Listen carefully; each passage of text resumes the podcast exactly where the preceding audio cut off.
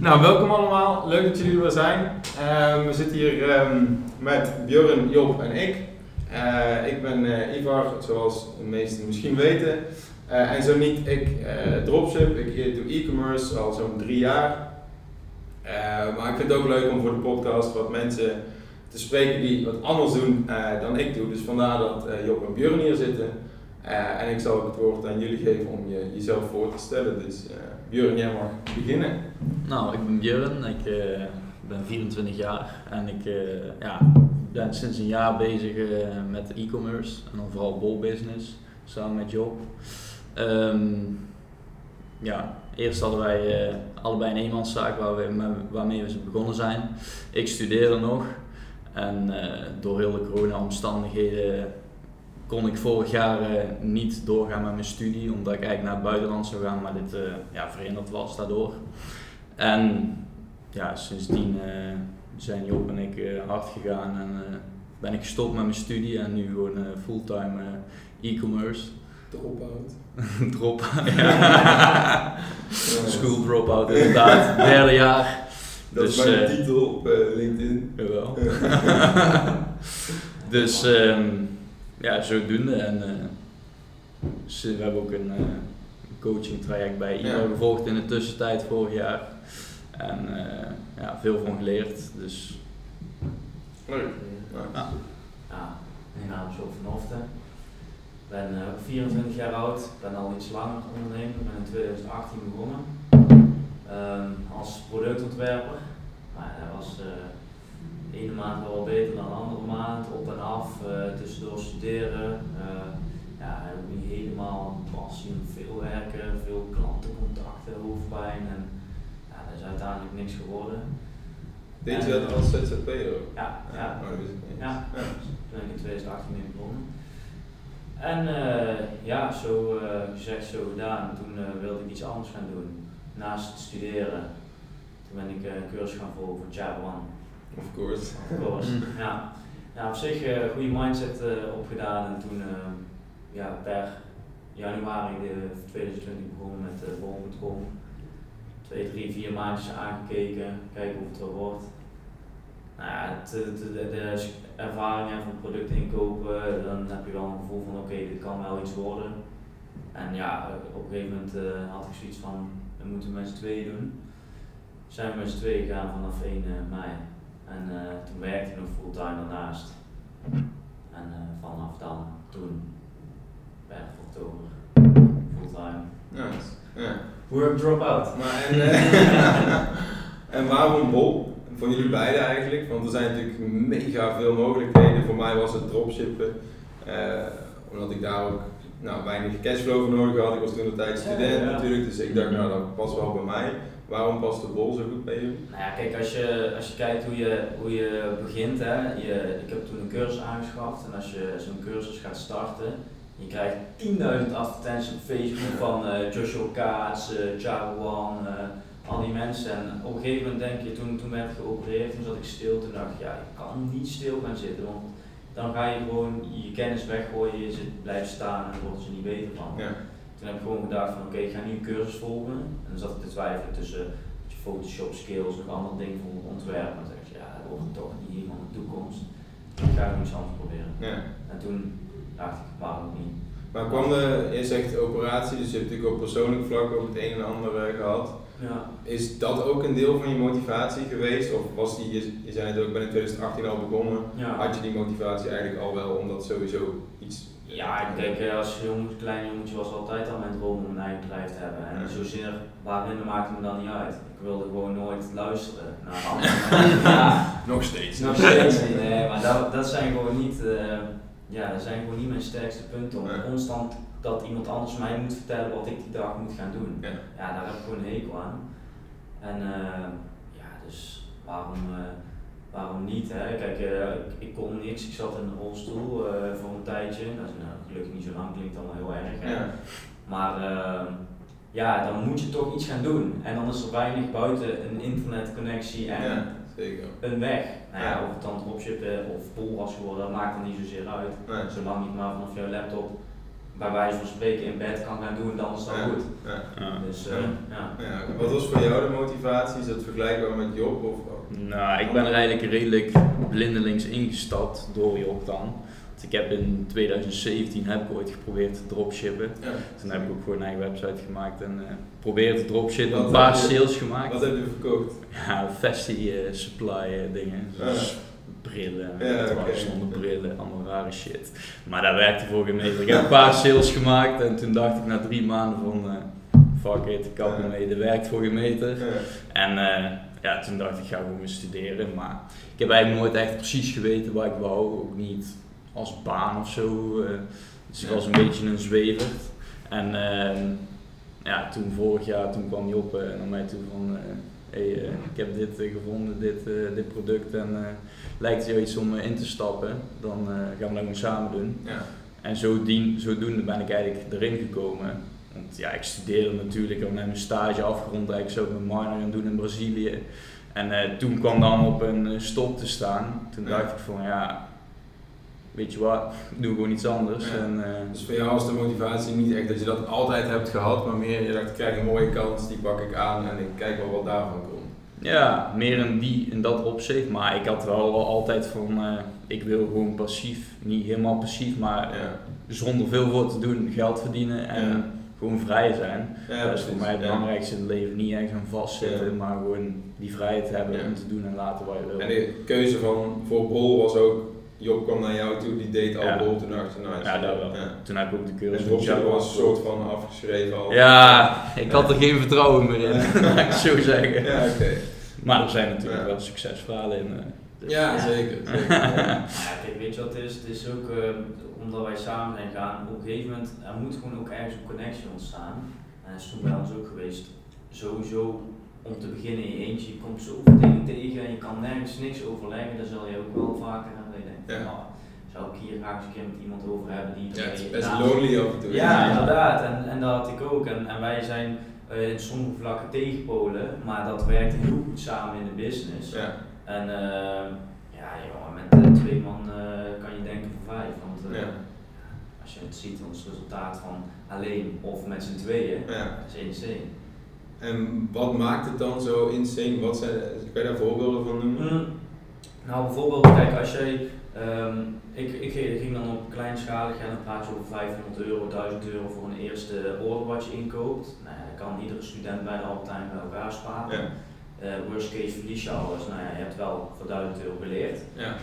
Ehm, maar op een gegeven moment had ik zoiets van: oké, eh, ik, ik moet eh, ik vertrouwen hebben, eh, gaan we voor het product. En dat was wel een stuk duurder de eerste keer inkoop. Als je met z'n tweeën bent, je, je zit in je eentje helemaal in een droom. Van, je denkt dan meteen verder van: oké, ik ga er nu inkopen, zoveel winst kan ik maken, ik ben meteen boem morgen rijk. Ja. Dat is wat je in je eentje doet. En soms zweef je dan een beetje boven de grond, ben je met z'n tweeën. Björn staat heel goed en heel nuchter in.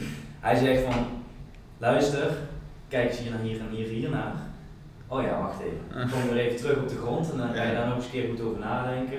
En dan doe je het gewoon. En als je dan met twee man achter staat, want soms zelf heb je nog zoiets van, hè, dan ga je een keer met je ouders overleggen, met je vrienden is het wel zo verstandig. En dan zegt iedereen vaak, vooral mensen die niet begrijpen dat je onderneemt van, ja, dat moet je niet doen, dat is Ja, een risico, dit en dat. Als je samen bent en wij ondernemen allebei, Ja. dan zeg je gewoon van, let's go. Ja. En dan motiveer je elkaar om juist te gaan. Dan, het is eigenlijk vooral de motivatie om een drempel over te gaan. En Ja. ben je eenmaal die drempel over, dan bestaat hij ook niet meer. Ja, en het zijn heel veel vlakken. Wat je zei, de telepo- tegenpolen is belangrijk. Ja. Mm. De rust die Björn heeft, Ja. die ken je natuurlijk ook wel beter. Ja, daar kan jij natuurlijk ook wel veel van leren. Ja. Ehm, maar ook wat je zegt, als je alleen bent, met wie je om, dan omgeeft, zijn niet ondernemers. En ik heb het op de podcast al zo vaak gezegd, maar de duivels om je heen. Eh, en dat is van het boek eh Outwitting the Devil van Napoleon Ja. Hill. Heb heel vaak gezegd, maar het is echt insane. Van je ouders kunnen duivels zijn, Ja. je vrienden, Ja. gewoon de invloeden die ze hebben. Van, ja, de Ja. naysayers van oké, ben maar voorzichtig, doe het maar niet. En dat is juist niet wat je wil horen. Dus als je alleen bent, moet je dan echt het risico en de motivatie en de wil allemaal vanuit jezelf natuurlijk halen. Ja. Ja, en dat is natuurlijk met z'n tweeën ook alweer een voordeel. En je krijgt meer gedaan. Nou, Ja, ja, en je kan Ja. natuurlijk en verschillende Kiezen. inzichten op Ja, hetzelfde zeker. probleem. En je kan doen waar je goed in bent in plaats van dat je in het begin alles zelf moet doen. Ja. Maar het begin, hoe zag dat er voor jullie uit? Dat is natuurlijk niet meteen eh, geboomd. Hoe is dat een beetje, kan je dat beschrijven, de eerste paar maanden? Ehm, nou ja, kijk, eh, wij zijn toen, eh, even kijken, 1 mei 2020 met z'n tweeën begonnen. En eh, ja, we hadden een product ingekocht, meteen met het vliegtuig laten komen. Dus ehm, ja, dat was eigenlijk vrij snel, hè, een, Ja. week, een week of zo. Want ik had het product al gezocht en ik had alle data en research al gedaan voor die tijd dat we samen. Want ik kwam met het product, dit is het pakket, zoveel kost het. Hij zegt meteen, oké, gaan we doen. Was dat toen ook nog zo fucking duur, vliegtuig, of viel dat toen nog wel mee? Eh, Ongeveer hetzelfde als nu. Ja, hetzelfde als nu. Maar ja, wij hadden gewoon een product en dat ging gewoon tien keer op de kop. Ja. Ja, oké, dus je wilde gewoon niet wachten. Je dacht, ik wil dit volgende week het liefst. eh, Ja, ja. en wij, ja, toen, eh, toen ook in de cursus werd geleerd, pak testbedjes, doe het met vliegtuig versturen, Oké. verzamel data. Ja, als beginner doe je dat gewoon, je luistert gewoon en ja, Ja. er was geen andere optie op dat moment dan vliegtuig. Ja. Dus eh, ja, toen, ja, maar het is op zich best wel snel hard gegaan hoor. En, en zeker ook qua taken, kijk wij werkten allebei omdat hij was met school eh, eigenlijk bezig Ja. met zijn minor en dan door gaan werken met stage. En ik werk echt allemaal fulltime bij een volwassen job, om het zeg maar zo te zeggen, Ja. long term. En ehm, ja, wij gingen elke dag in de auto, waren we allebei om vijf uur klaar. In de Ja. auto moesten we drie kwartier rijden. goed, maar En scooter, eh, oortjes in, eh, overleggen van wat gaan we doen, Ja. wie doet vanavond wat, wat zijn de taken, weet je wel, planning maken. Ja, zo is dat begonnen toch? Ja. En dan ook in de avond eh, de eerste testbatch dan eh, stickers plakken voor naar LVB toe. En, eh, Ja, want je deed alles zelf. Ja. Ja. op zolderkamertje. Ja. En, ja. Maar op zich, zou je dat nog een keer doen als je het opnieuw zou doen? Ja, sowieso. Ja, je moet daar gewoon mee beginnen. Ja. Alles zelf doen. Dan leer je gewoon Ja. het proces en wat er aan, eh, aan toekomt. Zeg, Ja. maar, Wat eh, gedaan moet worden. En dan, ja, dan weet je ook gewoon als je het uit de handen gaat geven van eh, dan hoef ik Ja. dat niet meer te doen. Maar in het proces daarna, van oké, je had je eerste testbadge, testbadge gedaan, hoe is die, is die snel gegaan, is die goed verkocht of Ja. viel dat tegen? Ja, of- nee. Twee, tweeënhalve week. Toen was het. Alles uitverkocht. Ja. Echt. En, en toen zaten we weer met Bol, die betaalde dus weer een, uit een, eh, een maand uit. Elke eh, vijfde van de maand ongeveer. En, dan, eh, en daarna was het gewoon weer meteen inkopen. Ja. Nou, Maar wel wachten op die vijfde. Ja, want wij hadden alles. Wij hadden gewoon een, een, eh, een bedrag voor eh, wat, wat we ook voor ogen hadden. En dat stopten wij erin. En dat was allemaal eigen geld. En dat was nog allemaal nieuw. En, hè. en onze ouders zaten al, zeker mijn ouders, die zijn een beetje voorzichtig daarin. Van ja, eh, doe nou maar eerst maar eens rustig en je verkoopt wel goed, maar hè, wie weet is daarover. Wij hebben meteen al dat geld eruit getrokken, gewoon weer boem, alles erin gegooid. Alles kwam weer thuis aan, de zaten ze al oh, stonden we daar in de tuin alle Ja. pakketten in te pakken. Ja, maar daar ging ook weer de volgende batch drie weken later met extra voorraad weer alles uitverkocht. Ja. En toen hadden we nog wel extra geld erin gestopt van eh, we moeten dit gewoon levend houden zeg maar, op voorraad. Dus toen hadden we gewoon eh, nog extra geld erin gestopt. Ja. En ja, dat is toen gewoon compounden. Want dat is natuurlijk wel het lastige van Bol. Een paar dingen zijn daar lastig. Wat je zegt, je cashflow eh, blijft ook op grote schaal nog lastig, omdat Ja. je gewoon moet wachten. Ja. Ehm, maar ook de levertijden, omdat je natuurlijk je voorraad hebt. Nou, je wil liefst niet uitverkopen en zonder voorraad zitten. Nee. Wat kan je daar in het begin nog aan doen als je lagere cashflow hebt? Het ligt echt aan, ligt echt aan je budget en, en je product. Want als jij een product koopt van een aantal euro inkoop, ehm, dan kan je dat wel voorfinancieren. Want als je daarnaast nog zeg maar, een bijbaantje hebt waar je 5, 6, 700 euro per maand verdient en je zegt ook gewoon oké, ik leef even 1, 2 maanden, ga ik er niet eh, uit eten op stap, Ja. weet je wel. En dan stop ik dat geld in mijn product, dan kan dat. Maar als je producten koopt van een 10 euro en je moet er, eh, ja, je moet er zo 200 kopen, zit je al gauw aan 2000 inkoop Ja. en dan komt nog het vliegtuig erbij. En ja, de meeste mensen die in de e-commerce starten zijn vaak vrij jong. Ja. Ehm, durven mensen dat aan, een badge van 3.000, 4.000 euro te kopen? Mhm. Dat weet ik niet.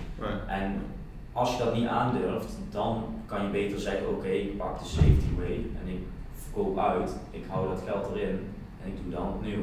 Het is geen ramp, het ligt wel ook aan je product, maar ja, ja het is echt verschillend. maar waarom zou je eerst uitverkopen en niet zeggen, oké, we, hebben, ik zeg, we bestellen 500 stuks, als we er 100 over hebben, bestellen we weer nieuwe. Ja, dat ligt aan je cash. Ja, Als je, Ja, als je zelf geen geld hebt, ja oké, als je ja. geen geld hebt, dan heb je geen keus. Ja, oké. Dus ja, als jij je 500 keer 10 euro moet doen, ja, dan niet, niet iedereen die begint heeft 5000 euro liggen. Ja. En zeker niet voor dat. Ja. En hoe hebben jullie dat op een gegeven moment getackled of hebben jullie deze problemen nog steeds wel? Mm, Nee. nee. Nou, we zijn gewoon op zoek gegaan naar eh, ja, investeerders. Ja. En vooral gewoon in eh, onze kringen, gewoon ouders en familie. Ja, En eh, ja, dat is toen gewoon goed gegaan. ja, We hebben daar geluk mee gehad dat, we, dat het gewoon kon ook, vanuit de ouders dan. Ja. En eh, ja, eerst was het van, we lenen 10.000 euro, dan krijg je over een maand weer terug. En dan dat we weer, de maand erop moest dat weer en dat was gewoon kut. En ja. hadden we knop doorgehakt van, eh, nee, we hebben gewoon echt een investering nodig die we over 1, 2 jaar terugbetalen ja. met de rente. En ja, vanaf, die, vanaf toen zijn we gewoon echt als een raket gegaan. Ja, oké. Dus die cashflow is wel echt één van de belangrijkste Ja. dingen Je hebt geweest en nog steeds. Ja. Ja, ja, en zeker als je op een gegeven moment, je moet wel gewoon een goede track record hebben. Want als Ja. jij één product verkoopt, bijvoorbeeld een, een rage fidget spinners, Ja. en dan kan je geld lenen en dat werkt niet, dan zakt het heel in, dan heb je Ja. een groot probleem. En als Wat, jij, ja. Wat is dan het grote probleem? Nou ja, je hebt voorraad met dat, je hebt geld gekocht, of eh, voorraad gekocht met geld wat niet van jou is. En je komt er niet meer vanaf. Ja. Dus je gaat heel erg zakken in jouw waarde. Stel je maakt dan van 10.000 je hebt restwaarde verkocht voor 2000. Je 8000 euro gap wat je moet gaan vullen. En als je Ja. een jaar moet terug gaan betalen plus rente, zeg maar 9000 euro nog terug gaan verdienen. Ja, oké. ja. Hoe ga je dat doen? Als jij dan, dan gaat heel je vertrouwen al naar beneden als je beginnend bent. Dan moet je dus die 9000 euro bij de supermarkt gaan verdienen om terug te gaan Ja. En buiten het op deze manier eh, verneuken, kan je het ook bij Bol. Kijk, als je dropshipt, je kan het natuurlijk zo slecht aanpakken, zo'n slechte customer service hebben. Als je Facebook ads runt, kan je je feedback score laag zijn, waardoor je je sales niet meer eh, van de grond krijgt. Wat kan je bij Bol fout doen, waardoor je het echt gewoon verpest voor jezelf? Ja, Bol is eh, heel erg gericht op zijn klanten. Hè. Daar staan zo, dat is echt hun ding. Gewoon klanten staan op één Ja. en de rest stikt er maar in. En dat is ook letterlijk hoe zij handelen. Ja. Ehm, je moet je leverbelofte nakomen. Je kan bij Bol zeggen ik lever binnen 24 uur, binnen twee werkdagen, vijf werkdagen of twee weken. Eh, moet je nakomen. Ehm, ja, je moet moeten goed zijn. Klantenservice moet Ja. gewoon eh, perfect Want, zijn. ja, Want die levering, je kan die naar Bol sturen. Ja, Dan zijn aan. zij daar toch verantwoordelijk voor. Ja, als je je er toegang voor krijgen. Dus je moet, Oké. en zeker nu moet je anderhalf jaar wachten voordat jij pas in het magazijn van bol.com mag. En wanneer zou, is daar een bepaald bedrag voor? Wanneer kom je daar? Iedereen komt er in aanmerking. Ja. Maar je moet je gewoon aanmelden en dan sta je op een wachtlijst. En, En, ja. en die klantenservice, dat moet je echt zelf regelen? Ja. Je krijgt gewoon op jouw verkopersaccount krijg je al de klantenvragen binnen. Ja. En die moet je gewoon zelf afwerken of iemand voor inhuren die dat voor jou doet. Oké, ja. Maar in het begin is dat gewoon belangrijk, want jij verkoopt een product en er komen klantenvragen over het product.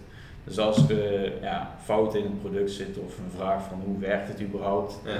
dan weet je gewoon ik verkoop een product wat niet door de klant gebruikt kan worden, omdat er steeds vragen opkomen van ik snap het niet hoe het werkt. Ja. Dus dan is het ook voor jezelf van misschien moet ik in China al een normale gebruiksaanwijzing die wel functioneert voor het product dan, dat wel allemaal duidelijk is. Ja. Dus En hoe die- werkt dat met China? Want ik doe natuurlijk dus producten één op één. Mhm. Ja, niet altijd is de leverancier dan bereid om iets aan te passen, tenzij je grote volumes draait. Ja. Is dat met bulkinkopen zoals jullie doen wel makkelijker met de Chinese partijen om daar aanpassingen aan te doen? Ja, het ligt ook wel waar je mee werkt. Op het begin werken wij direct met de leverancier, die zijn vaak wat lastiger. Die werken met een, eh, een sourcing agent. En als de handleiding niet goed is, eh, of bijvoorbeeld van Tesla, hè, stel je bent beginnend en je zegt ik koop 50 stuks, maar ik wil wel, omdat het een complex elektronisch product is, een goede Nederlandse handleiding. Ja. Nou, dan zeggen ze is vaak, die sourcing agent vraagt een bepaald aantal fee over de inkoop. En dan kunnen zij, kan je gewoon zeggen van ik wil graag die verpakking of eh, die handleiding erin hebben. Dan betaal je misschien 1% meer fee over. Ja. Maar ja, als je dat in je calculatie meeneemt en je hebt jouw, ja, ja, jouw product is gewoon hoger. Als je al één of twee retours daarmee uithaalt, Ja. dan heb je dat Terugverdiend. terugverdiend. Ja, want hoe je zegt, eh, de calculatie is dan, dan beter of hoger, maar kijk, hoe zou je bij Bol goede eh, cashflow of eh, marges kunnen hanteren. Want bij je eigen webshop kan je natuurlijk je product heel premium laten lijken. Mhm. En ja, als jij zorgt dat je geen directe concurrentie hebt, nou, dan verkoop jij het gewoon in plaats van 30 voor 50.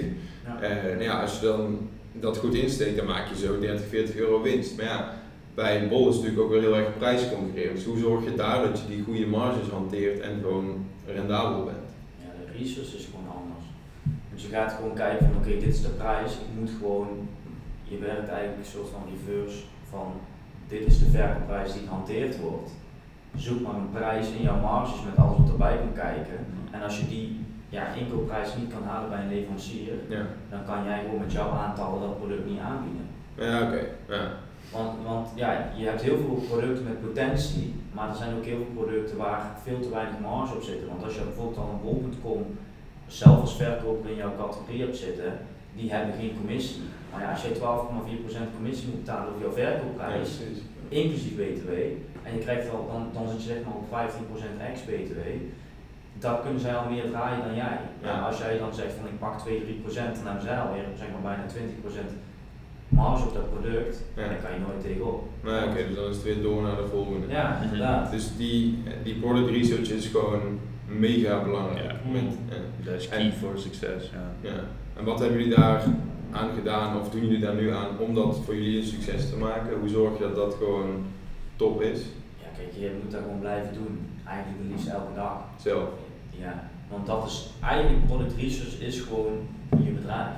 Ja. Want je doet massief in principe, dus als je een goed product gevonden hebt, daar is één keer een fase doorheen van listing maken, titels, beschrijvingen, ranken, et cetera.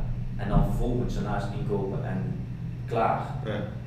En die research die zorgt ervoor, gaat een bedrijf groeien of gaat een bedrijf dalen? Ja. Want het product kan gewoon doodgaan. Als je niks nieuws hebt gevonden, ja, dan, dan ga je er na. Heb je dat ooit meegemaakt? Ja, wel eens. Ja. Ja, zeker. Ja. Leer je van. Ja, dat is het van. Ja. En de processen in jullie bedrijf, want oké, je begint natuurlijk met alles zelf te doen. Eh, maar jullie zeiden ook bij, oké, ons doel is altijd geweest om iets passiefs natuurlijk te genereren en niet 100%, want Mhm. uiteindelijk vind je het ook leuk wat je doet natuurlijk. Eh, maar hoe is dat begonnen en hoe is dat eh, geworden wat het nu is? Van wat besteed je als eerst uit? Wie hebben jullie ingeschakeld? En dan werknemers, agents. Wat is daar een beetje de, jullie pad in geweest? Mhm. Nou ja, eerst hebben we dus eigenlijk alles zelf gedaan. Van het eh, ja, aannemen van pakketten uit China tot het stickeren van de producten tot het opsturen naar bol.com. Zelf versturen vanuit eh, thuis. En eh, ja, dan zijn we gewoon stapsgewijs gaan kijken van oké, welk proces is gewoon helemaal kut? Waar gaat veel tijd in zitten en hoe kunnen we dat naar iemand anders laten doen, waardoor wij meer tijd eh, ja, te besteden hebben aan de belangrijke dingen Ja. zoals research en nieuwe producten vinden. En ehm, ja, het eerste stap die we hebben genomen is gewoon de fulfillment ingaan. Van, Ja. Wij willen niet meer zelf onze pakketten iedere dag naar het postkantoor brengen, want eh, dat Dat was is verre van passief. Ja, ja. daar waren we vorig jaar gewoon in het begin dan eh, twee, drie uur per dag mee kwijt. En dan kwam een 50 pakketje bij het postkantoor aan van eh, hier alsjeblieft. maar dat schiet gewoon niet op. En ehm, ja, toen hebben we een, een fulfillmentpartij gevonden, wat ook per toeval eigenlijk was. Want wij waren, op, ja, wij waren op zoek naar een nieuw kantoor. Ja. En we hadden allemaal zitten kijken van, nou, misschien kunnen we hier een kantoor en dan hebben we onder een opslag met eh, boven gewoon kantoorruimtes. Ja. En dan huren we gewoon mensen in die voor ons pakketjes gaan inpakken en sturen. Ja, ja. Maar eh, ja, toen waren we zo naar vijf, zes verschillende kantoorruimtes wezen kijken. En toen, toen waren we in Mierlo en eh, er kwam iemand eh, ineens bij ons zitten. Wij moesten even wachten voordat eh, Ja. Meneer kwam eh, voor onze rondleiding.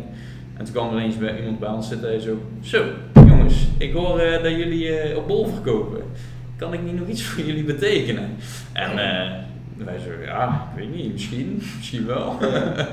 en toen ja, kwam het hele verhaal eruit rollen van, ja, ik doe ook pakketten versturen en hier heb ik drie van deze bedrijven. En ja, kan ik ook voor jullie doen als jullie dat willen. Ja, toch? Dus wij zo, nou, waarom niet hè? Hoef je niet ook Ja. met... eh, Nee. Ja, dan, dan, Zoiets bestond al. ja. en dan verandert gewoon heel je gedachtegang. Ja. Oh wacht, wij waren daar toen nog helemaal niet in thuis dat andere mensen dat voor jou kunnen doen. Nee, precies. Ja, je weet ook niet wat je niet weet. natuurlijk. Nee.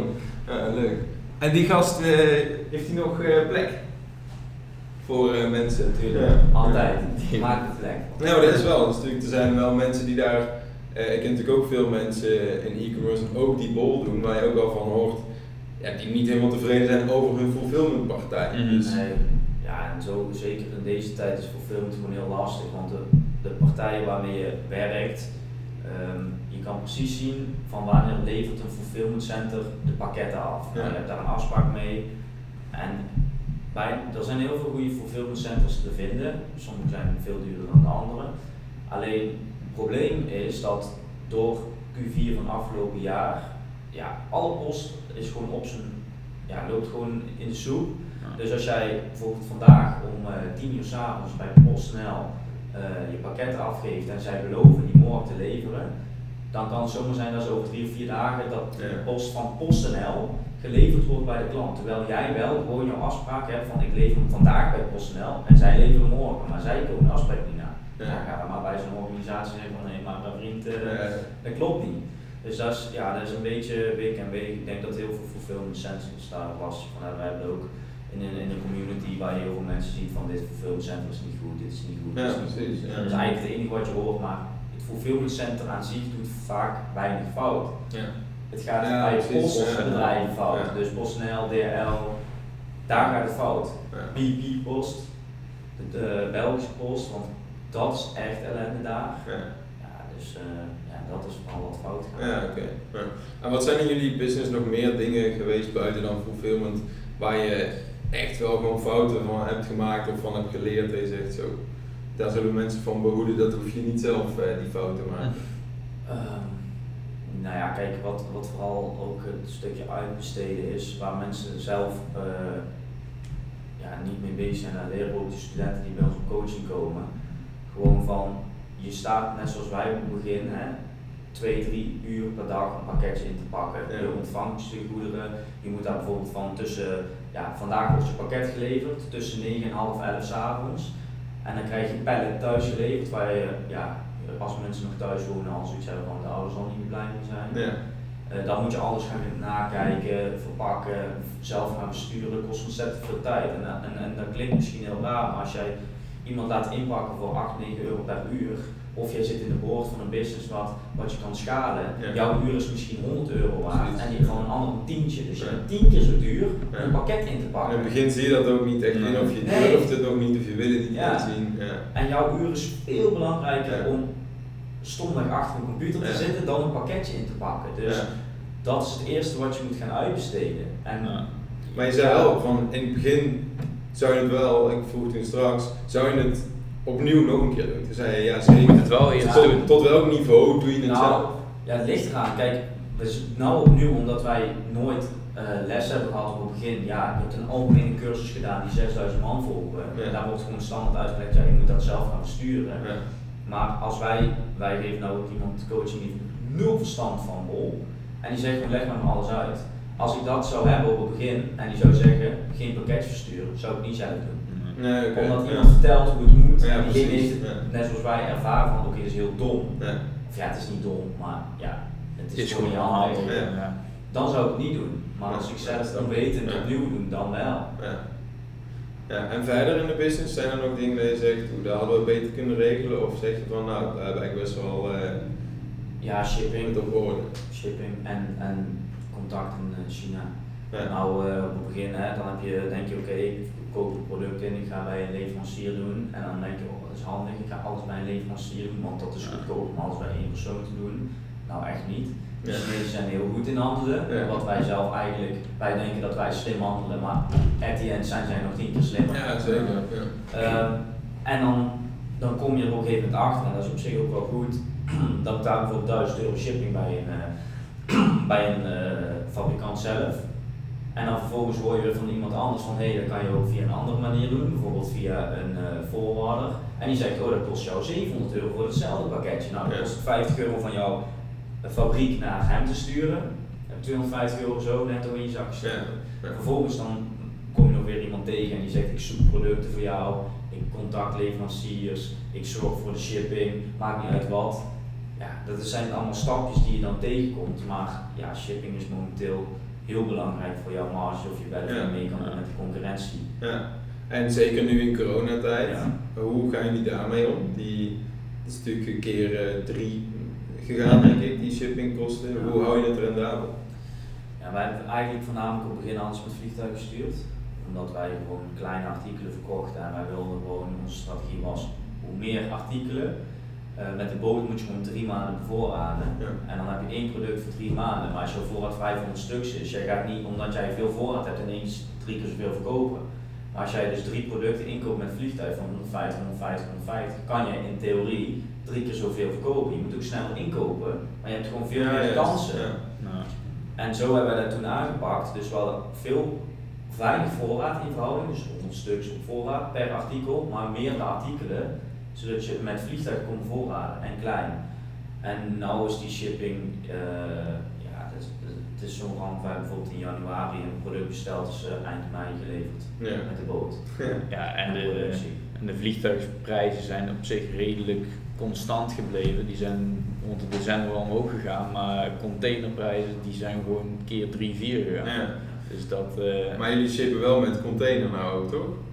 Af en toe. af en toe, maar Ja. alsnog hebben wij de meeste producten die wij verkopen zijn gewoon vliegtuigproducten. Daar hebben we ons onderzoek op gericht. Ja, oké. Eh, En dat daar pak je mee in je calculatie natuurlijk Ja. van tevoren. En als je ziet, nou dit gaat niet rendabel zijn, dan hup naar het volgende product. Ja, inderdaad. Ja, Ja. ja, in het begin was onze strategie alles met vliegtuig. Ja. En tegenwoordig hebben wij gewoon fases ingepland.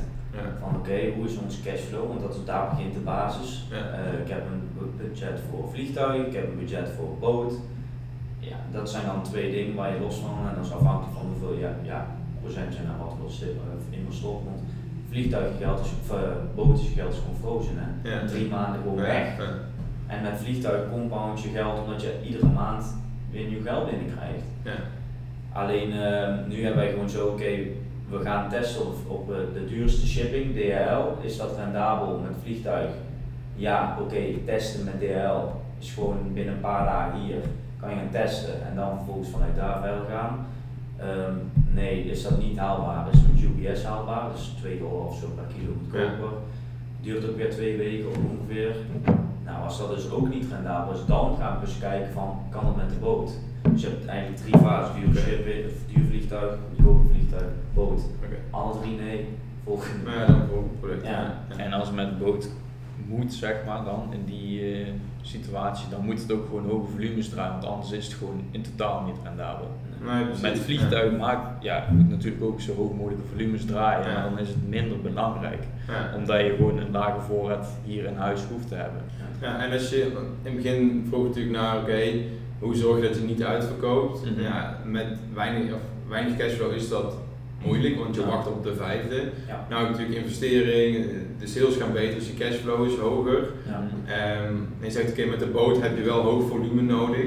Hoe zorg je dan dat je nu op dit moment niet uitverkoopt? Of gebeurt dat nog steeds? ja, bij vliegtuigproducten wel. Nou, maar vooral met boot zei je het ook van oké, met boot moet je hoge volumes draaien. Ja. Maar met boot is het denk ik wel lastiger om hoge volumes te draaien, omdat de doorlooptijd natuurlijk veel langer is. Dus je moet op tijd weer bij bestellen. Je hebt eerder je cashflow Ja. weer nodig dan de vijfde van de maand. Mhm. Ja. Dat klopt. Maar ehm, ja, vooral omdat wij nou dan investeringen erbij hebben gekregen, dan heb je gewoon al een buffer. Dan kun je na twee maanden, dus de boot is onderweg, die is net vertrokken in China. Dan duurt het ongeveer 30, 35 dagen. En dan kun je alweer volgende order voor hetzelfde product plaatsen. Ja. En dan overlapt het gewoon constant. En hoe zorg je eh, dat je de. Het wil natuurlijk niet zeggen dat je uiteindelijk je badges bij blijft verkopen altijd. Mhm. Dus hoe zorg je ervoor dat je als je je producten bijbestelt, dat je die ook weer verkoopt? Want het kan natuurlijk zijn dat je seizoensproducten verkoopt. Ja.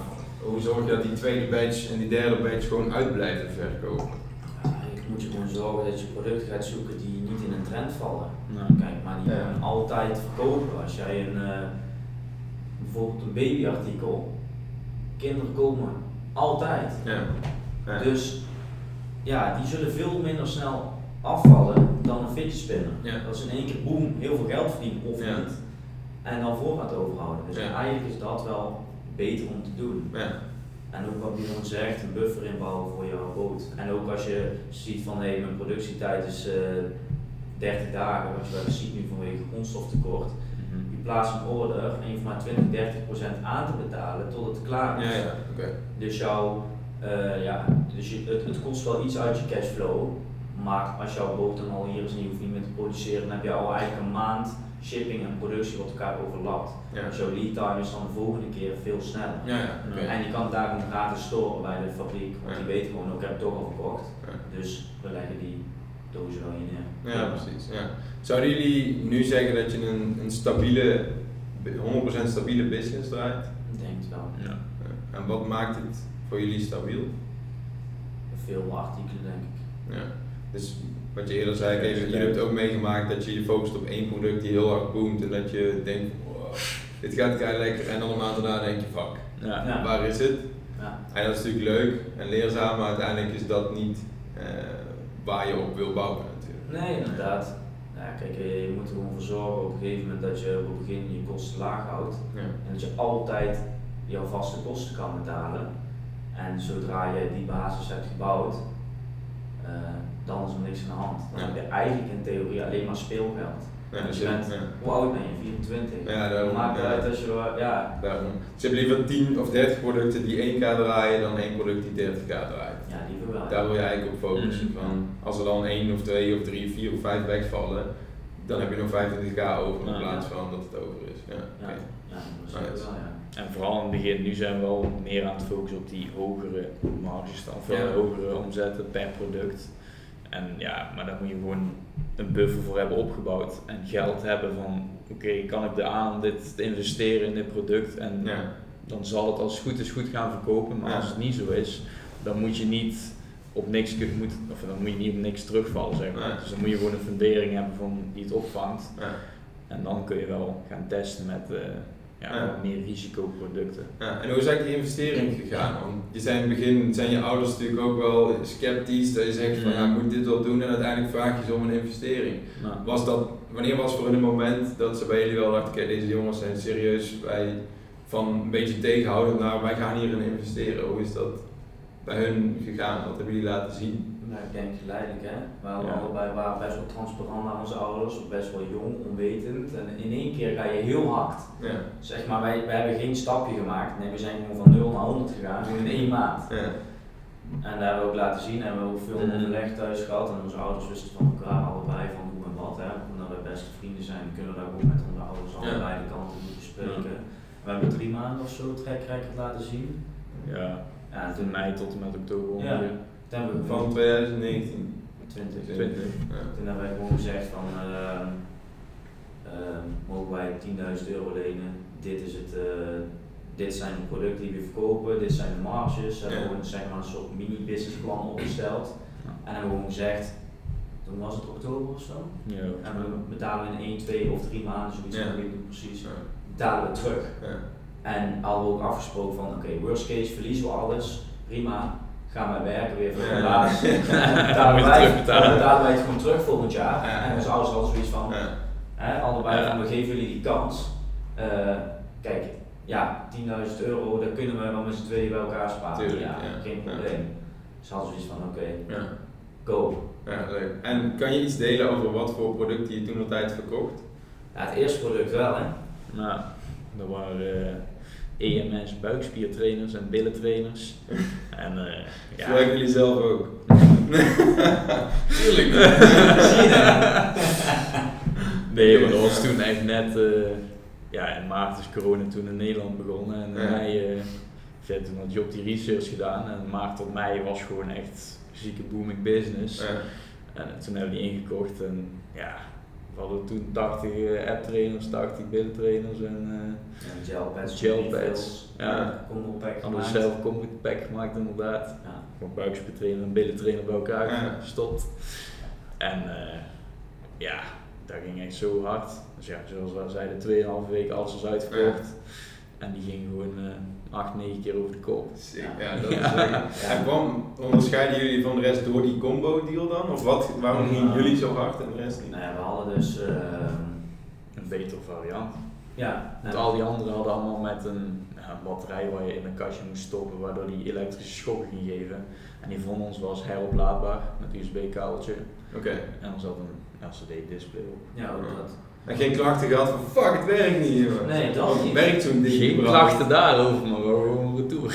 Ja, Maar werkt het of? Nou ja, kijk, we, we hebben nog nooit zo lang getest.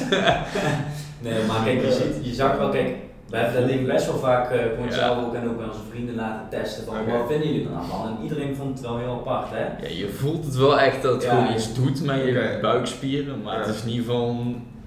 Ja, maar sowieso na één keer doen Ja. heb je geen sixpack. Nee. Misschien moet je er 1, 2 maanden en dan zie je wel een verschil. Ja. Maar eh, ja, dat hebben we zelf nooit uitgetest. Wel grappig, hè? waar zijn we beland om dit soort dingen te Ja. vinden? Ja, dat is wel mooi. Ja, dat is natuurlijk gewoon een nieuwe wereld. Oké, maar dat is, wel, dat is wel leuk. En in het, jullie hebben ook werknemers natuurlijk. Ja. Wil je daar iets over delen van wat ze doen? Of zeg je dat eh, het is classified? Of wat, Oh, nee, hoor. Nee. Nee. wat doen ze voor jullie? En waarom heb je besloten om die in te zetten? Ja, kijk, eh, Bol is nou, of ja, gewoon überhaupt, er zijn superveel mensen die erbij zijn gekomen als e-commerce. Daar zowel dropshipping als eh, bol.com, Amazon, noem maar op. En eh, je, ja, je ziet ook gewoon, Bol stuurt ook gewoon een mail van, we hebben iets van 60% groei aan verkooppartners in één jaar. Dus dat is Ja, gewoon, eh, normaal, hè? ja, dat is insane. Gewoon, die hebben gewoon ineens 10.000 verkopers zoals wij erbij gekregen in één jaar. Ja, dus dat gaat zo hard en, en je ziet gewoon, dan is branding ontzettend belangrijk. Hoe ziet mijn product eruit? Wat is de experience van een klant? En ehm, als je dat gaat uitbesteden bij bedrijven zoals uh, Vince Ruiter van uh, Ja. Unstoppable, Ja. uh, Brandon Point of zo, die vragen gewoon volgens mij vanaf 350 euro voor zes advertentiefotootjes of zo. Volgens mij is er zelfs vier foto's.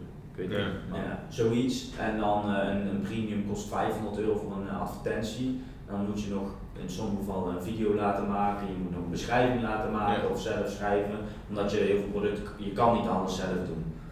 Eh, nou ja, tel maar uit, je doet 10 productrelease en dan kost alleen al daar misschien al eh 5000 euro alleen om de advertentie op te maken. Ja. Daar kan iemand heel veel. goed eh Ja. voor Dat zit voorraad 5000 euro. Ja. Ja. Dus toen hebben wij gezegd van oké, dat gaan we niet doen. Dus wij nemen iemand in dienst die dat voor ons doet. Eh, en zeker omdat het heel nodig was, we moesten rebranden. Wij konden ook niet eerst even alles met advertenties zelf maken. Daar hadden we nog niet tijd meer Nee. voor. En we hadden geen skills ervoor. Eh, het ging prima, maar het was geen, ja, voor onze business, het, was niet, het paste niet meer. Nee. Dus eh, diegene die levelen eigenlijk de, de, de advertenties en met als doel en als achterhoofd van hé, hey, er zijn zoveel verkopers bijgekomen, die zijn allemaal, die beginnen niet zoals wij, die maken het zelf, die komen erachter van hé, hey, dit is niet zo handig, kost veel tijd.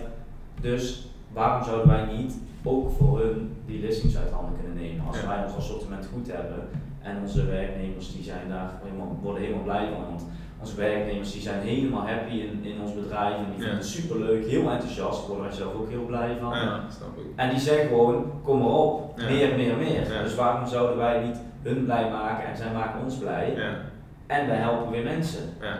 Dat die werken ook fysiek voor jullie, hè? Ja. Jullie Ja. hebben kantoor Ja. en die zitten allebei bij jullie op kantoor. Ja. En wat doe je? Nou, het is natuurlijk mooi dat ze al eh, daar blij van worden, maar doen jullie daarbuiten nog dingen om hun tevreden te houden? Of teambuilding? Of wat doe je daaraan?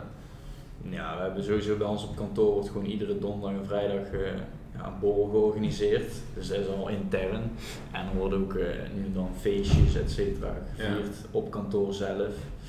En eh, ja, wij eh, Ja. verzorgen lunch iedere dag. Ja, oké. Dus Ja. eh, dat, is, eh, dat vinden ze ook wel fijn, dat ze Ja. zelf niet over na hoeven te denken. Ja, inderdaad. En eh, En laten jullie ze heel vrij in wat ze doen? Of zeggen jullie, we hebben wel echt bepaalde standaarden, KPI's of iets om te, de output te monitoren?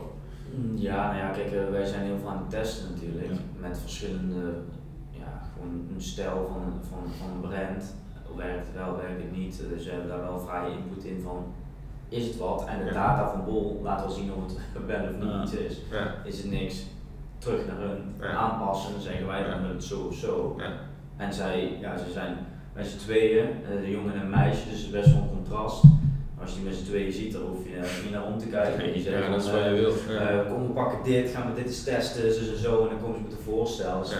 fantastisch. Ja, Dus ze zijn eigenlijk heel vrij. Ja. En wij zijn ook allebei van, waarom, als je een keer even, iedereen heeft wel eens ooit kwartiertje, 20 minuten, even dat je zegt van, pff, even mijn hoofd vol, ga lekker weg, ga even op je telefoon, ga lekker even bellen, ga even Ja. rondje man.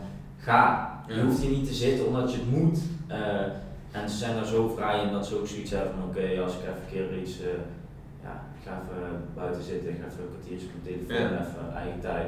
Kom weer terug, zijn ze weer heel gemotiveerd. Ja. En dan zijn ze uiteindelijk veel beter ja, dan daarvoor. Ja, zeker. En wat doen jullie daar zelf aan? Want ik, ja, natuurlijk allemaal ondernemers. Ik struggle er ook af en toe mee met productiviteit en veel met persoonlijke ontwikkeling bezig. Eh, wat doen jullie zelf daaraan?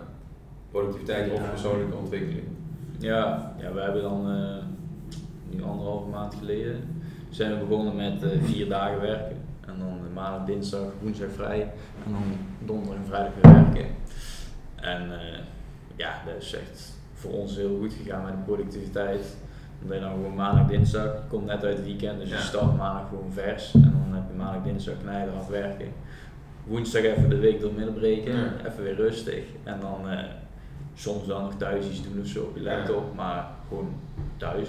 En dan weer donderdag en vrijdag naar kantoor. En dan eh, ja, begin je eigenlijk weer vanaf vooraf aan. Ja, ja. Dus gewoon, eh, Maar bij jou, eh, waar ik me wel in kan vinden, jij hebt op een gegeven moment ook wel zoiets gehad van, ja, wat de fuck moet ik doen op woensdag? Ik zou dat denk ik ook wel hebben hoor. Ik denk, ja, Ja, nu wel. Kijk, eerst waren we net verhuisd en dan ga je wel een beetje klussen, Ja. dingetjes regelen en nou is alles geregeld en nou denk ik van ja. ja en nu? Ja, inderdaad. Ja. Dus eh, kijk, eh, je zit nooit stil. Je s'avonds om 11 uur nog te bellen als het nodig is, weet je. Dat maakt op zich ook niet uit. Alleen, eh, ja, het is gewoon een test. We hebben vooral getest van werkt het in productiviteit. En we hebben toen gewoon een takenlijst gemaakt van oké, dit en dit moet er gebeuren. Hoe krijgen wij het voor elkaar? Ja, in, in vijf dagen. We hebben een, een, op een gegeven moment een routine ingebouwd van, van ongeveer een jaar. Nou, dat is niet heel veel, maar als je van een jaar tijd ineens van vijf dagen naar vier dagen gaat, dan moet je in principe hetzelfde af kunnen krijgen. Ja, weten zeker. wat je in vijf dagen afkrijgt. ja, En dat hebben wij in vier dagen gedaan en waren we zelfs vaak nog eerder dan vier dagen klaar. ja. Omdat wij Ja, minder werkten, maar veel harder. ja. Het was ook gewoon ooit je dan eventjes, hè, wat ik net vertelde, een half uurtje op je telefoon, eventjes weg. En nu is het gewoon, oh, daar heb ik helemaal geen tijd voor, ik moet die dingen afmaken. En dan ga je thuis, zit je dan op de bank en denk je, oh, ik heb vandaag zo lekker gewerkt. ja. En dat is Ja, heel chill. Het En, gevoel je wil hebben. ja. en dinsdagmiddag ook, dan denk je, oh, nog even drie uurtjes vlammen en eh, morgen ben ik vrij. Ja, Dat ja. is wel, ja. dat is chill. En hebben jullie nog iets, bepaalde routines, ochtends of zo? Of hebben jullie weer zoiets van, dat doen wij niet, we werken lekker, we zijn productief en voor de rest... eh, Ja, testen ook hè. Veel. We zijn nou eh, met z'n tweeën echt veel aan het testen, ook qua productiviteit. En eh, we hebben toevallig gisteren een vergadering over gehad. ja. van ehm, hoe kunnen wij dingen anders aan gaan pakken om je business te boosten, om tevreden te blijven, om iedereen tevreden te houden. ja. En ja, dat, dat weten we niet. Proberen te maken, Ja, is het niks, ja. volgende maand iets anders. het is voor iedereen ook anders. Er is geen één formule van en doe dit en Ja. productief. Nee. Iedereen vindt iets anders fijn, iedereen zit heel anders in elkaar natuurlijk. Ja. Ja. En om jullie, eh, jullie zijn natuurlijk net zelf van oké, we coachen ook wat mensen. Dus hoe is dat gegaan dat jullie zeiden van oké, eh, uiteindelijk bouw je toen naar iets passiefs. Mhm. Ja, dus je bent aan het bouwen nou van vijf naar vier dagen. En ja, we gaan daar ook even hebben over oké, hoe straks over een aantal jaar. En nou, er komt dan ook coaching bij. Wat is daar jullie eh, gedachte achter geweest? Waarom hebben jullie dat gedaan? Ja, kijk, eh, de eerste jongens die bij ons op coaching kwamen, kwamen vanuit onze boekhouder. Die, eh, ja, die, eh, die zag onze cijfers zo hard groeien en die dacht van, oh, dat zelfs eh, zijn werknemers zijn, misschien moet ik ook maar stoppen met boekhouden. Ja. ja. Kijk, dan doe je toch iets goed. Ja, dus eh, ja, en eh, die zei van, zei tegen de jongens, die gingen wel, wel minder hard, die waren lang bezig. Maar en- een bolverkoop. ja, bolverkoop, Ja. ze was struggelen gewoon. Ze waren wel gewoon echt goed bezig in de zin van proberen iets op te bouwen, proberen, proberen. Iedereen die probeert is goed bezig. Ja, zeker. Ja. En ehm, van eens op les, omdat wij bij jouw coaching hebben gevolgd en dan wist hij van hé, hey, pak een coach die verder is dan jij op dat Ja. moment. Ehm, en trek jezelf daar aan omhoog zo ver als kan. Eh, ben je, je houdt altijd een con- een contact. We zitten nou weer hier met jou. Ja. We doen vaak eh, dingen samen, ondernemen en dat is met die jongens ook. Dus die zijn toen bij ons gekomen. Ja, we hebben er heel veel energie uit gehaald en we dachten van oké, ondernemen is leuk, maar iemand anders blij maken en daar zelf Super energie van terugkrijgen en Ja. waardering, dan ga je nog Ja. Ja, weet je, nog meer dingen leren dat je ook dat we af en toe zeggen van oh, als we dit nou gaan leren en kijken, dan kunnen we dat weer andere mensen leren als het succesvol is. Ja, En dat, dat motiveert jezelf ook gewoon. En vooral eigenlijk de energie, hè. Dat is eigenlijk wat. Ja, dat je ook niet altijd met hetzelfde Ja. bezig bent. Dat je ook Nee, even iets heel anders aan het doen bent. En dat ja, vind ik zelf ook altijd eh, heel leuk. En hoe, wat, hoe zien jullie jezelf over vijf jaar? Zie je jezelf dan nog bolverkoper? Zie je jezelf nog coachen? Zijn er andere dingen waar jullie dan mee bezig zouden willen zijn? Waar wil je naartoe? Ik denk dat er wel nog steeds een bolstore zal zijn.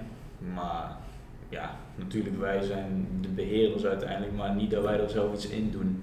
Dat het allemaal automatisch gaat en met een, ja, iemand die daar een manager eh, functie in Ja. heeft, die alles aanstuurt. En eh, ja, verder ehm, willen we uitbreiden naar Amazon sowieso. En onze eigen website en onze eigen brand. En ja, over vijf jaar is eh, mijn plan wel om niet meer vast aan een kantoor te zitten, maar Ja. gewoon vanuit Als waar ik remote. wil te werken. Ja. Gewoon remo ja, remote inderdaad. Dus, Ja.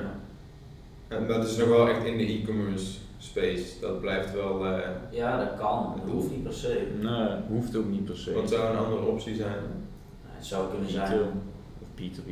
Ja, of dat je zegt van ik ben er helemaal klaar mee, ik zit er vijf en dat je zegt van oké, ik verkoop het. Ja. En ik ga doen wat ik leuk vind. En dat heb je met dropshippers natuurlijk ook veel. Hè? Die zeggen oké, dropship is puur cashflow. Ja. Om uiteindelijk iets met dat geld te gaan Ja, doen. ja, ja, of een brand natuurlijk te bouwen van een product die goed gaat. Ja. Dus dat is bij jullie wel een beetje hetzelfde. Of in ieder geval bij Jurgen en bij jou.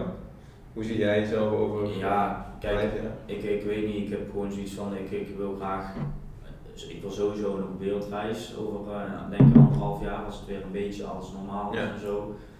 Ehm, ja, we willen ook graag nog weg, dus we zijn daar gewoon volop aan de weg aan het timmeren om te zorgen dat dat allemaal kan. Kan. Ja. Ehm, en dan daarbuiten, je doet weer dingen op, net zoals nu. Een jaar, het, het, een jaar is heel kort in principe, maar als je kijkt wat er in een jaar gebeurt, is dat is echt insane. Dat is leuk als ondernemer. Je kan Ja. tien keer zoveel leren in Ja. dezelfde tijd. En dan je zegt van hé, ik wil, eh, we hebben ook van hè, we willen een nieuwe, nieuwe bedrijven starten, nieuw fulfillment center eh, oprichten, eh, andere dingen gaan doen, die mensen erbij betrekken en zo nog verder te gaan. En ik weet zeker over vijf jaar dat je misschien wel denkt van ja, ik ben er helemaal klaar mee, ik heb Ja. een, nieuw, een nieuw idee opgedaan aan mensen die gesproken hebben waar je geïnspireerd van bent en dan Ja. ga het gewoon proberen. En zeker als je op een gegeven moment heel snel heel hard bent gegaan, dan kan je dat gewoon doen, dan heb je speelgeld. Ja, ja zeker. Ja. En zouden het coachingsaspect er nog op een manier in Ja, zitten? ja, ik denk het wel, Ja. zeker. Ja. Ja, dat lijkt me leuk. Gewoon, eh, ja, je krijgt er gewoon energie van. Ja. Ja. niet. En ehm, zijn, wie gaat jullie daar naartoe helpen? Natuurlijk jullie zelf. Eh, maar er zijn ook, eh, nou, ik heb jullie natuurlijk een tijdje gecoacht. Eh, ik heb zelf ook altijd coaches. Ik ben van mening, je moet altijd iemand hebben die je verder helpt. En op een gegeven moment is je ene coach ook klaar. En dan ga je verder naar iemand die nog verder staat. Ja. Wat doen jullie daaraan? Ja, met een nieuw coaching traject. Vanmiddag. Ja. Ja. Ja. Dus, eh, ja. Die gaat ons eh, naar een hoger level eh, brengen.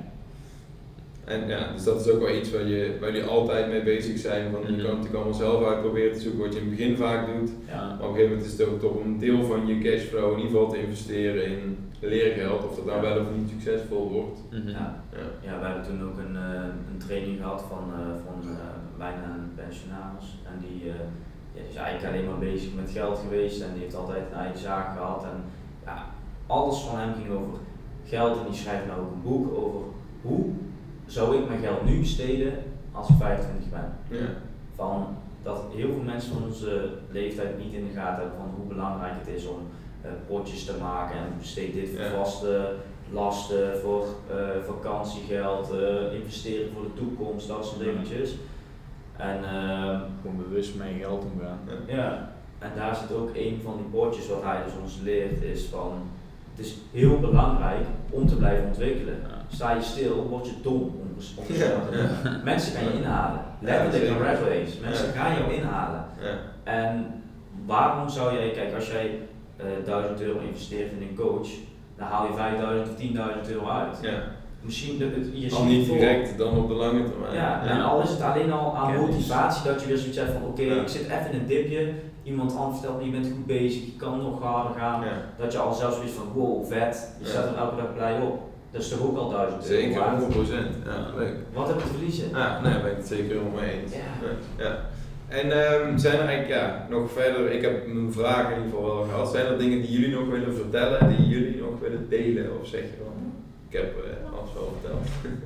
Ja, nou ja, ik denk sowieso voor iedereen die start of net begonnen is, gewoon blijven proberen en doen. En vooral je niet tegen laten houden wat je net zei, mensen om je heen. Het is vaak echt ondernemers die zeggen tegen elkaar, je kan nog harder, je kan nog beter, je bent goed bezig, eh, let's go. En mensen die zelf niet durven, die zeggen tegen jou, moet je dat wel doen, is dat wel zo verstandig, hè? Ja. dadelijk verlies je je geld of hè, weet ik veel. En dat is super dom, want daardoor hou je iemand zijn droom tegen. Mm. Waarom zou je niet gewoon iemand, eigenlijk moet je gewoon mensen zoeken die like-minded zijn Ja. en gewoon gas op. Ja. Boeien als je geld verliest. Ja, 1000 eens. euro, als je Ja. 1000 euro verliest, hoe vaak in je leven tot je 65 ga je nu 1000 euro Ja. verdienen? Op een gegeven moment moet je daar ook comfortabel mee worden, net niet te emotioneel hechten aan geld. Nee. En dat is natuurlijk ook het verschil tussen voor 10 euro per uur werken of naar iets toe werken waar je niet meer voor een uurloon werkt. En dan wordt geld ook minder emotioneel. Ja. En als je dan een keer verliest, dan denk je, nou, boeien, hup en door. In plaats van dat je er kappen mee op 1000 euro verloren. En Ja. dat is in het begin natuurlijk best wel moeilijk. Ja, zeker voor het begin. En ook gewoon, ja, weet je, neem gewoon een keer het risico. Doe, Ja. doe het met eh 300 euro. Ja. Je, gaat ook, eh, je koopt ook schoenen of een, eh of een Ja. Gucci eh, tas van Ja. 800 euro. Laat die mooi liggen. En zeg, ik investeer dat geld in mezelf. Investeer gewoon altijd in jezelf. Dat doen wij nou nog steeds. We zijn heel hard gegaan, ook daardoor. Ja. Gewoon, ja, doe het gewoon. Ja. Nee. Wat heb je te verliezen? Ja. Zo jong. Nee, eens. Ja. Jij nog iets te delen? Alles gezegd. Alles. Ja. Dan nog één, eh, één dingetje. Als mensen eh, jullie willen bereiken, waar kunnen ze jullie bereiken? Ik kan iets in de beschrijving natuurlijk zetten Ja. of waar eh, kunnen ze jullie een bericht sturen? Ja, ze kunnen ons. Een mailtje naar ons e-mailadres. Ja. Een keer langskomen bij ons op kantoor. Kan Kantoor, ook. ik zal eh, mailadres gewoon even in de beschrijving Ja. zetten. Want Ja. ze staan open voor een coaching, Ja, dus als iemand dat eh, in- interesse in heeft, dan kan dat. En socials op Instagram kan je altijd een DM sturen. Ook als heb je kleine vragen, hè, altijd eh, geen probleem. Wij Ja. worden er zelf ook blij van Mhm. andere mensen te zien groeien en te Ja. helpen. Weet je.